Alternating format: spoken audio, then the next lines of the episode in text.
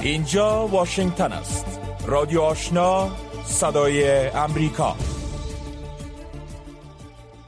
شنوندگان عزیز سلام. شب همه شما بخیر. حفیظ آصفی هستم و با همکارانم برنامه خبری ساعت رادیو آشنا صدای امریکا را تقدیم می‌کنیم. در سرآغاز برنامه خبری ساعت توجه کنین به تازه ترین خبرهای افغانستان منطقه و جهان که قدیر مشرف به توجه میرسانه. سلام و وقت همه شما بخیر شنونده های عزیز. کرن دکر شاجدافیر سفارت امریکا برای افغانستان به پاکستان سفر کرده تا با افغانهای ساکن در آن کشور و مقامهای پاکستانی ملاقات کند. خانم دکر در یک پیام تویتر نگاشته است که این سفر شنیداریش را به پاکستان در این هفته ادامه داده و انتظار دارد درباره وضعیت افغانها در پاکستان بیشتر بداند و با افراد و گروه های ملاقات کند که یک جا با هم برای حمایت افغانها و افغانستان کار می دکر به گفته خودش پس از سی سال به پاکستان سفر کرده است.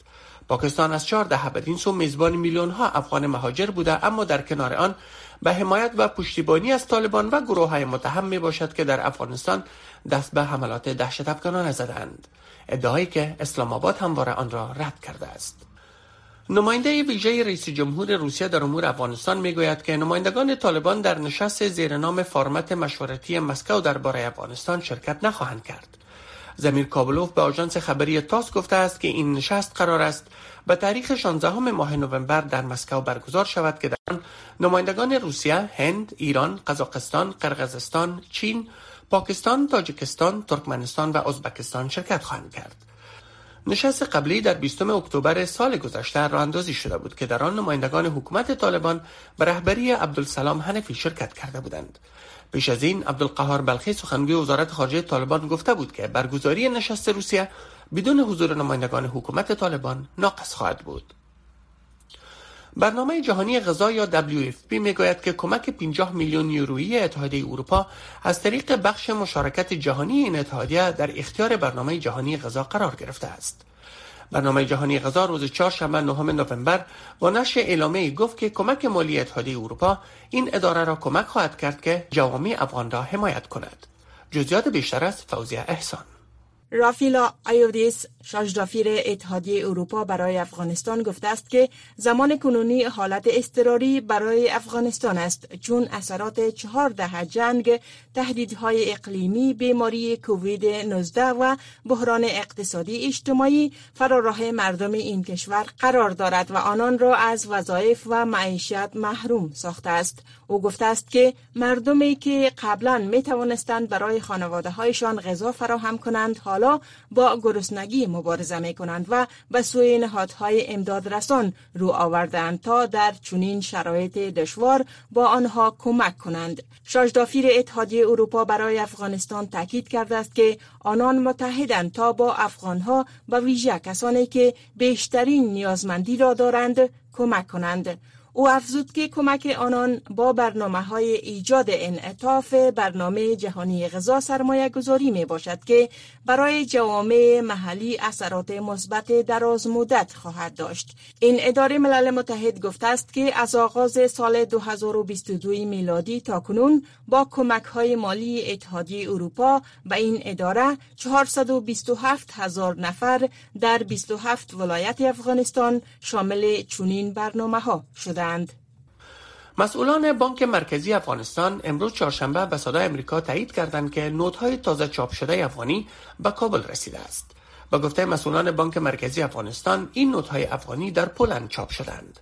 در اوایل ماه روان میلادی نماینده ویژه ایالات متحده در امور افغانستان در یک پیام تویتر نگاشته بود که حکومت امریکا به یک توافق بانک مرکزی افغانستان اجازه داده تا بانک های تازه را چاپ کند.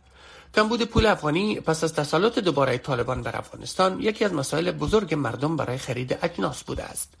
جزئیات را پس از خبرها خواهید شنید. اداره پناهجویان اتحادیه اروپا می‌گوید که یک در سه حصه درخواست دهندگان پناهجویی در کشورهای این اتحادیه در ماه اگست از افغانستان و سوریه بودند.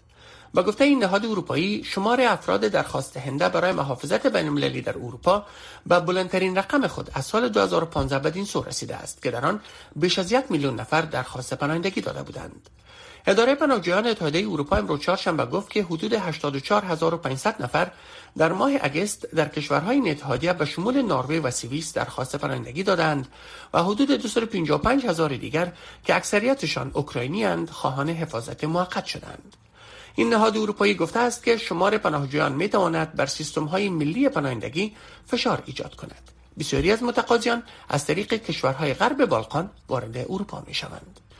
ادامه خبرهای منطقه و جهان را از رادیو آشنا میشنوید سرنوشت پالیسی های جو بایدن رئیس جمهوری ایالات متحده در دو سال باقی مانده دوره نخست ریاست جمهوریش به نتایج انتخابات میان دوره امریکا وابسته است. رقابت برای کسب کرسی های سنا در انتخابات روز سهشنبه به نهایت تنگاتنگ بود. اما مسئولین انتخابات ایالات متحده محتاطانه گفتند که اعلام نتایج نهایی احتمالا چندین روز را در بر بگیرد. در حال حاضر دموکرات ها در هر دو مجلس کنگرس ایالات متحده در مقایسه با اعضای جمهوری خواه کنگرس اکثریت بسیار اندکی دارند اما جمهوری خواهان تلاش دارند اکثریت را در این دو مجلس کسب کنند تا زمان تهیه این خبر دموکرات ها 48 کرسی و جمهوری خواهان 47 کرسی مجلس سنا را از آن خود کردند حالان که جمهوری خواهان 198 کرسی و دموکرات ها 173 کرسی را برای کنترل مجلس نمایندگان به خود اختصاص دادند برای کنترل مجلس سنا از 100 کرسی 51 و برای کنترل مجلس نمایندگان ایالات متحده از 435 کرسی 218 کرسی نیاز است. وزیر خارجه هند گفته است که کشورش روابط اقتصادی خود را با روسیه گسترش داده و خریداری نفت را از مسکو ادامه می دهد. صبحها مایان جشنکر پس از دیدارش با سرگی لاوروف همتای روسیش در مسکو گفت که وجیبه بنیادی ماست تا اطمینان حاصل کنیم که خریداران هندی بهترین دسترس ممکن را با سودمندترین شرایط در بازارهای بینالمللی در اختیار دارند آقای جشنکر در نخستین سفرش به مسکو پس از حمله روسیه بر اوکراین روابط دراز مدت دهلی جدید را با مسکو تصریح کرده و آن را یک ثبات استثنایی و روابط آزمایش شده زمانی عنوان کرد. مسکو پس از حمله بر اوکراین با تعذیرات اقتصادی من جمله فروش نفت مواجه می باشد. اما برخی کشورها به شمول هند با تخفیف از روسیه نفت خریداری می کنند. چین ایالات متحده را به اخلال مذاکرات میان دو آلوده کننده بزرگ هوای جهان یعنی واشنگتن و بیجینگ برای مبارزه به تغییر اقلیم متهم کرده اما گفته است که ارتباطات هرگز به گونه کامل متوقف نشده است. شی جین هوا نماینده چین در امور تغییر اقلیم امروز چهارشنبه در کنفرانس تغییر اقلیم در مصر به خبرنگاران گفت که سفر نانسی پلوسی رئیس مجلس نمایندگان امریکا به تایوان تجاوز به حاکمیت چین بوده و احساسات مردم چین را خدشه‌دار ساخته است. آقای جین هوا افزود که به همین دلیل بیجینگ تصمیم گرفت مذاکرات رسمی را با ایالات متحده متوقف سازد و مسئولیت آن کاملا به دوش واشنگتن می باشد. انتظار می رود جو بایدن رئیس جمهور امریکا روز جمعه در نشست تغییر اقلیم شرکت کند اما رئیس جمهور چین به گفته نماینده این کشور در امور اقلیم به خاطر مشغله های داخلی در کنفرانس تغییر اقلیم شرکت نخواهد کرد کره شمالی امروز چهارشنبه یک میزایل بالستیک را شلیک کرده است. اردوی کره جنوبی با بیان این مطلب گفته است که این آزمایشات بی پیشینه پیونگیانگ تنش‌های نظامی را در شمال شرق آسیا افزایش داده است. جزئیات بیشتر از احد عزیزاده دفتر لویدرسیز قوای مسلح کره جنوبی گفته است که این میزایل با برد کوتاه از منطقه سوکچون در نزدیکی شمال پیونگیانگ شلیک شده است. گارد ساحلی ژاپن گفته است که میزایل برای کمتر از پنج دقیقه قبل از آن که به آبهای شرقی کوریا فرود آید در هوا بوده است. هفته گذشته کوریای شمالی 34 میزایل بالستیک را به شمول برخی از میزایل هایی که هشدارهایی را در کره جنوبی و ژاپن به صدا درآورد آزمایش کرد وزارت دفاع کره جنوبی امروز چهارشنبه تصاویر از بخشهای به دست آمده از میزایل را نشر کرد که در آن نوشته های روسی به چشم می‌خورد.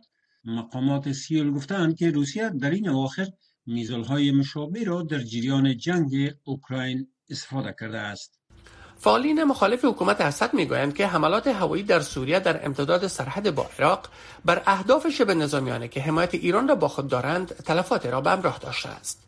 دو نظامی عراق گفتند که برخی از افراد کشته شده شهروندان ایرانی بودند حمله سهشنبه شب لاری های را هدف قرار داد که تیل و سلاح را به ولایت دیر و زور سوریه برای شبه نظامیان انتقال می‌داد ناظرین جنگ سوریه مستقر در بریتانیا گفتند که کم از کم 14 نفر که اکثرشان شبه نظامیان بودند در این حمله کشته شدند. تلویزیون دولتی ایران گزارش داده است که یک کاروان لاری های نفت ظاهرا در نزدیکی سرحد القایم هدف قرار گرفته است. تا هنوز مشخص نیست که در عقب این حملات هوایی ناوقت سهشنبه کی قرار دارد. اما اردوی ایالات متحده حملات مشابه را در گذشته انجام داده است. و در سلسله رقابت های جام جهانی 20 اوور کرکت ساعت قبل تیم ملی پاکستان توانست نیوزیلند را با هفت وکت شکست دهد و راهی دوره نهایی این جام شود. تیم نیوزیلند در 20 اوور 152 دوش گرفت اما پاکستانی ها توانستند هدف 153 دوش را در 19.1 اوور پوره کنند. پاکستان از سال 2009 بدین سو برای نخستین بار به دور نهایی این جام راه یافته است. رقابت دوم نیمه نهایی جام 20 اوور کرکت فردا پنجشنبه میان تیم های هند و انگلستان برگزار خواهد شد. پایان خبرهای افغانستان منطقه و جهان از رادیو آشنا صدای امریکا شنوندگان گرامی رادیو آشنا صدای امریکا نشرات رادیو آشنا را در موج متوسط 1296 موج کوتاه 11575 اعشاری صفر و در موج 972 کیلوهرتز شنیده می توانید. خبرهای افغانستان منطقه و جهان از رادیو آشنا صدای امریکا شنیدین. حال هم گزارش های ای برنامه بانک مرکزی افغانستان تحت کنترل طالبان میگه که اولین دسته از بانکنوت های افغانی تازه چاپ شده وارد کابل شده مسئولان اتحادیه صرفان میگن که وجود بانکنوت های قدیمی در بازار بر اونا مشکل بزرگی شده. کارشناسان اقتصادی میگن که اگر جریان افغانی در بازار کنترل نشه ارزش افغانی در برابر سایر اسعار کاهش خواهد یافت. جزئیات بیشتر در این گزارش. عبدالحسیب نوری مسئول بخش نشرات بانک مرکزی افغانستان که از سوی حکومت طالبان اداره می شود روز چهارشنبه به صدای امریکا تایید کرد که نخستین محموله بانکنوت های افغانی که در خارج چاپ شده به کابل رسیده است. اما از دادن جزئیات بیشتر خودداری کرد. ماه گذشته این بانک با نشر اعلامیه گفته بود که بانکنوت های جدید بر اساس سیاست های معقول پولی متوازن با رشد اقتصادی و ضرورت بازار در بازار عرضه خواهد شد و پولهای فرسوده به گونه سیستماتیک و مطابق با طرز العمل موجود جمعآوری و از گردش خارج می شود. حاجی عبدالرحمن زیرک سخنگوی اتحادیه صرافان سرای شهزاده کابل به صدای امریکا رسیدن بانکنوت های تازه چاپ شده را به کابل تایید کرد. در جوپه د افغاني و چې د پخوا څخه د پولند په هیواد کې زموږ این محموله بانکنوت های افغانی بود که در پولند از حکومت گذشته باقی مانده بود. امید است که پول باقی مانده نیز برسد. در چند وقت اخیر موجودیت و افزایش بانکنوت های مندرس در تمامی بازارهای ارز افغانستان یک نگرانی بزرگ و موزل بود. ما چندین بار با بانک مرکزی افغانستان و وزارت مالیه تماس گرفتیم و قول حل این مشکل را آنها دادند. آقای زیرک افزود که امید است بانکنوت های بیشتر افغانی برسد و این پول نیز به درستی به بازارهای مبادلات ارزی عرضه شود. و باوری های شهروندان افغانستان نباید از بابت افزایش نرخ ارزهای خارجی در برابر پول افغانی نگرانی داشته باشند چون به گفته او بانک مرکزی قیمتها را کنترل خواهد کرد. پس از حاکمیت طالبان بر افغانستان این نخستین بار است که بانکنوت های جدید چاپ شده و به داخل این کشور انتقال داده شده است ترانسفست نماینده ویژه ایالات متحده برای افغانستان نیز به تاریخ 22 اکتبر از چاپ های جدید افغانی در بیرون از افغانستان خبر داده و گفته بود که های جدید افغانی به زودی جایگزین پولهای فرسوده در این کشور خواهد شد. محمد ظاهر حلیمی استاد اقتصاد به صدای آمریکا گفت که چگونگی تاثیر این پول بر معاملات ارزی و اقتصادی افغانستان به نحوه وارد کردن آن به بازارهای اقتصادی افغانستان از سوی حکومت طالبان بستگی دارد.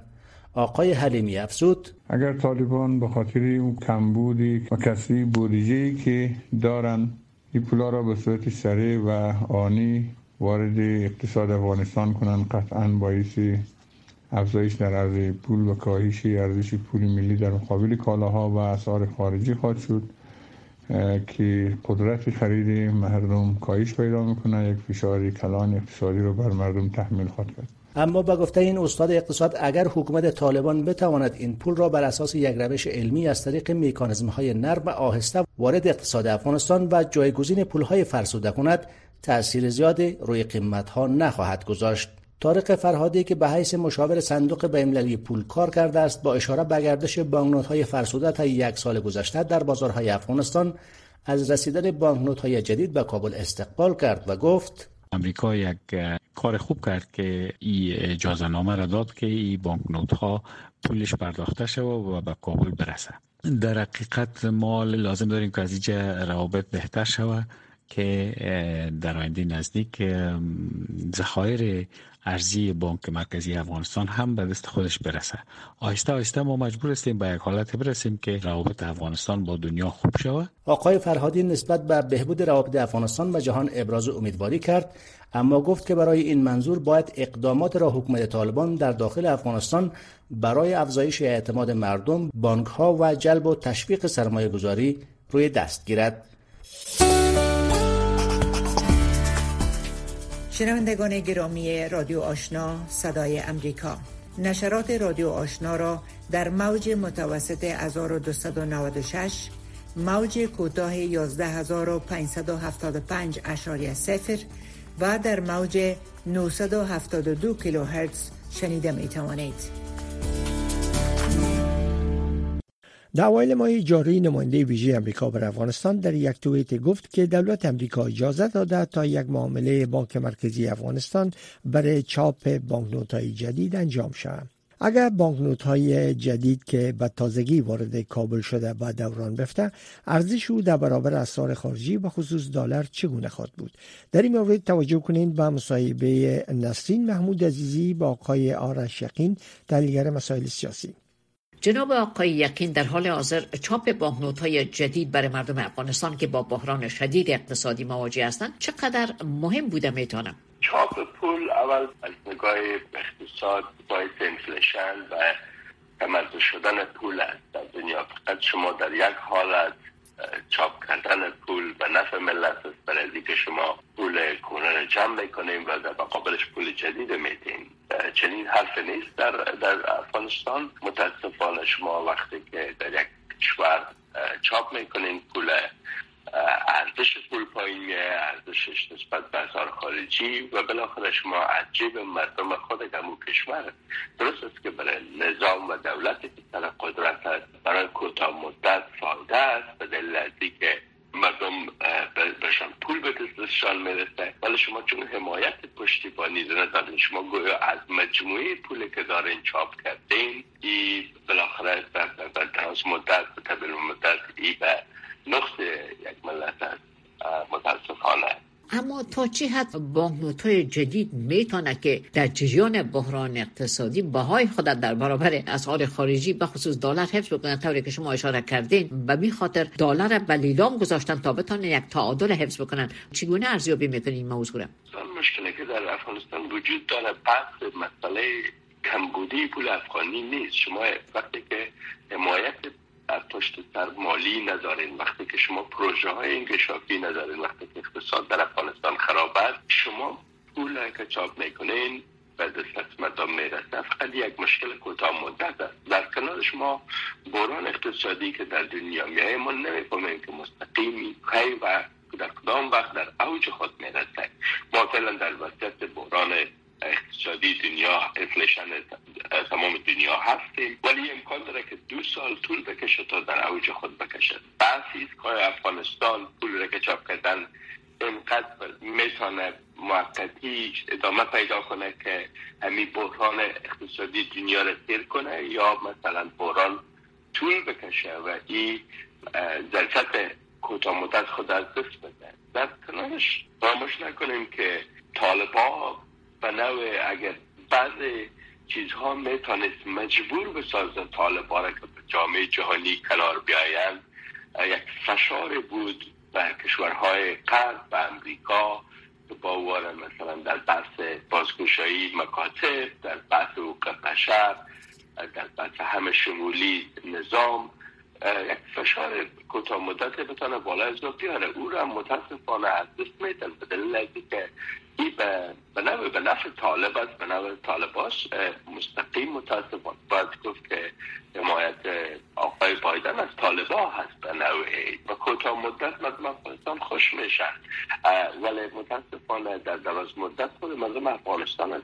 تاوان دادنش. در مجموع اگر بررسی شود چلند بانکنوت های جدید چی پیامدهای خواهد داشت؟ خب یک بحثش همی هست که امریکا گویا و جامعه جهانی گویا از طالب حمایت می‌کنه گویا برای کسایی که در داخل افغانستان به خصوص هستن و یک انتظار کثیر داشتن تغییر در نظام طالبان داشتن که بالاخره اینا مجبور میشن طالبان با جامعه جهانی کنار بیاین. به خصوص در بحث مسئله حقوق زنا بازگشایی مکاتب متاسفانه یک افسردگی داخلی رو به وجود میاره. بر به که همه باورشان به همی میشه که دنیا گویا از طالب حمایت می‌کنه گویا دیگر طالب می‌تونه هر کاری که در افغانستان بکنه برای مردم امکاناتی داره. این پیامد داخلی هست. پیامد بیرونی هم کوتاه مدت برای کسی که دانش اقتصادی نداشته باشه فکر می‌کنه که خوب است به افغانستان کمک شده. اما متاسفانه واقع تمیز که همگی می‌دانیم که یگانه چیزی باید انفلیشن داخلی میشه چاپ کردن پول از جیب خود مردم است. رادیو آشنا صدای امریکا هفت روز هفته. خبر و گزارش ها و تحلیل های خبری روز. یک روز پس از برگزاری انتخابات میان دوره‌ای در ایالات متحده آمریکا شمارش آرا تا حال نهایی نشده و اعلام نتایج رقابت میان بسیاری از کاندیدا قبل از وقت خوانده شده. نتایج انتخابات مشخص خواهد کرد که از میان اعضاب دموکرات جمهوری خواه کدام یک قادر به کسب اکثریت در کانگرس ای کشور خواهد بود شرح بیشتر در این مورد از سید عزیز الرحمن میشنوین امریکایی ها روز سهشنبه برای انتخاب مسیر دو سال آینده کشور خود رأی دادند. نتایج این انتخابات مشخص خواهد کرد که آیا جمهوری خواهان اکثریت را در کانگرس کسب خواهند کرد و یا اینکه رئیس جمهور جو بایدن حمایت دموکرات ها را همچنان با خود خواهد داشت. در انتخابات امسال بیش از یک سلس مجلس سنای کانگرس ایالات متحده به رقابت گذاشته شده است. جمهوری خواهان برای به دست آوردن اکثریت و غلبه بر دموکرات ها در این مجلس تنها به کسب یک کرسی اضافی نیاز دارند. در ایالت فلوریدا خانم ول دیمینگز کاندید حزب دموکرات نتوانست در برابر سناتور مارکو روبیو رقیب جمهوری خواهش ایستادگی کند. اگر به نتایج در سراسر کشور نگاه کنید کسانی برنده می شوند که این کشور را عظمت بخشیده بودند و فراموش شده اند پیش بینی در مورد سرنوشت تعداد انگشت شمار کرسی های مجلس سنا که مشخص کند کدام حزب اکثریت خواهد بود قبل از وقت خوانده شده است. در ایالت جورجیا تفاوت آرا میان هرشل واکر کاندید جمهوری خواه برای مجلس سنا و سناتور رافایل وارنک رقیب دموکراتش بسیار اندک است. رافایل وارنک در مبارزات انتخاباتی خود بیشتر بر تأمین حق سخت جنین تاکید داشت. موضوعی که برای بسیاری از زنان و رای دهندگان مستقل تنین انداز بوده است. می خواهم به موضوعات رای بدهم که دموکرات باقی بمانم. صادقانه بگویم فقط به خاطر موضوعات مربوط به سخت جنین است. برای من بسیار مهم است که یک زن هنوز هم حق انتخاب را دارد این موضوع قویا بر نظرم اثرگذار بوده است از لحاظ تاریخی حزب حاکم بازنده انتخابات میان دوره‌ای می باشد. برای برخی از رای دهندگان در ایالت جورجیا این انتخابات فرصت است تا عدم رضایت خود را از کارکرد جو بایدن ابراز کنند. فکر نمی کنم که بایدن بسیاری از تصامیم را خودش اتخاذ کرده باشد. فکر می کنم که او بیشتر یک سخنگو برای این چپی های افراطی و منافع خاص آنان است.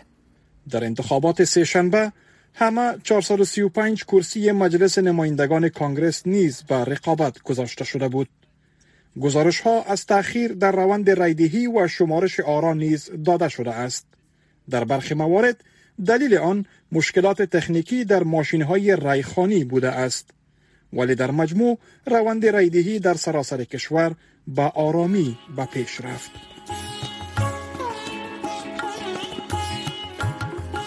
السلام علیکم و رحمت الله و برکاته اسم ما محمد اقبال حسینی رئیس مسجد مبارک مصطفی صلی الله علیه و سلم در ایالت ویرجینیا حد اکثر کوشش کنین که دستای خود را با صابون آب گرم روز چند بار بشوین مکررن. اگر مجبور باشید که شما بیرون تشریف ببرید کوشش کنید که ماسک داشته باشین تا خدای ناخواسته این میکروب که توسط تنفس داخل دماغ و دهن میشه شما به این مصیبت دچار نشوید.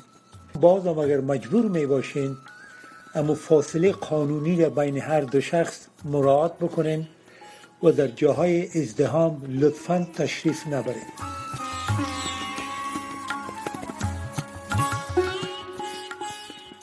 کمیسیون مستقل بین المللی تحقیقات سازمان ملل متحد در مورد اراضی اشغالی فلسطین از جمله شرق بیت المقدس روز دوشنبه جلسه استماعی را آغاز کرد این جلسات بر دستور تعطیلی و شناسایی مسدود شدن چندین نهاد فلسطینی که از سوی اسرائیل به حیث نهادهای دهشت افغانی شناسایی شده متمرکز می باشند.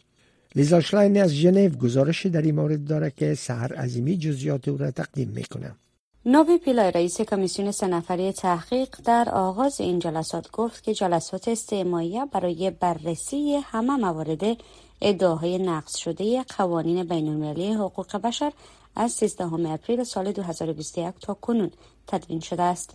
این گراف زمانی وقتی بود که درگیری های اخیر خشونت آمیز شامل فلسطینی ها شهرکنشینان اسرائیلی و نیروهای اسرائیلی به اوج خود رسید. پیلای گفت که هدف این کمیسیون بررسی علل تشنجها و بیثباتی مکرر از جمله تبعیض و سرکوب سیستماتیک بر اساس هویت ملی قومی نژادی یا مذهبی است. او گفت که تعداد محدودی از قربانیان شاهدان سازمانهای جامعه مدنی و نمایندگان قانونی در طول هفته شهادت خواهند داد.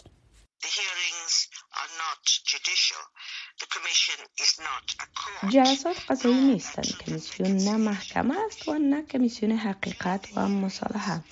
در طول جلسات استماعی ممکن سوالات را توسط هر سه عضو برای شهود مطرح شود. هدف این است که به قربانیان و بازماندگان از همه طرف ها اجازه دهیم تا در یک محیط رسمی اما راحت با جامعه بین المللی صحبت کنند. در جلسات استعمایی روز دوشنبه سه سازمان غیرحکومتی از جمله شش سازمان که توسط اسرائیل به عنوان گروه های تروریستی معرفی شدند شهادت دادند شوان جبارین مدیر عمومی الحق در شهادت خود گفت که از زمان تأسیس این گروه در سال 1979 مأموریت این گروه احترام و دفاع از حقوق بشر و حاکمیت قانون در سرزمین های فلسطینی بوده است. او می‌گوید که در طول سالها الحق بسیاری از موارد نقض حقوق بشر و جنایت دیگری را که گفته می شود توسط نیروهای اسرائیلی مرتکب شدن مستند کرده است. او اسرائیلی ها را متهم کرد که برای تضعیف و ساکت کردن الحق روش بدنام کردن آن را آغاز کردند زیرا آنها ماهیت کار این سازمان را خوش ندارند. وقتی نتوانستند ما را ساکت کنند وقتی نتوانستند منابع ما را خشک سازند نتوانستند ما را مسدود کنند. وقتی آنها نتوانستند ترس را انتشار دهند فکر می کنم به آخرین چیز یعنی تصمیم سیاسی رسیدند. من به آن به عنوان یک تصمیم سیاسی برای اعلام الحق و سایر سازمان ها به عنوان سازمان های تروریستی نگاه می کنند اسرائیل الحق را به همراه پنج سازمان غیر حکومتی دیگر در اکتبر سال 2021 به عنوان گروه های تروریستی شناسایی کرد. دو گروه از این جمله نهاد دفاع از کودکان بین المللی فلسطینی همراه با سازمان حمایت از زندانیان ادمیر و انجمن حقوق بشر روز دوشنبه شهادت دادند.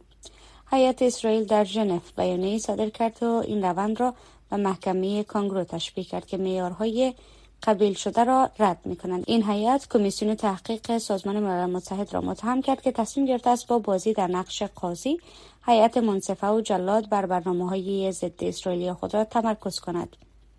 هیئت اسرائیل اعلام کرد که هیچ استعمایی عمومی را نمی‌توان جدی تلقی کرد وقتی که ظاهرا بر اساس نتایج از پیش تعیین شده باشد. این هیئت این محاکمات را ساخت نامید و گفت که آنها شورای حقوق بشر را شرمسار تضعیف می کنند این هیئت همچنین گفت که شورا نباید برای تشکیل محکمه های غیر رسمی استفاده شود.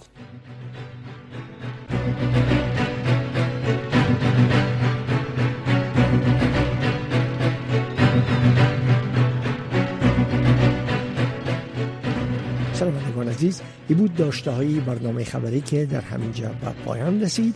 اما نشرات پشتو و دری رادیو آشنا صدای امریکا همچنان ادامه داره. شنونده رادیو آشنا باشید.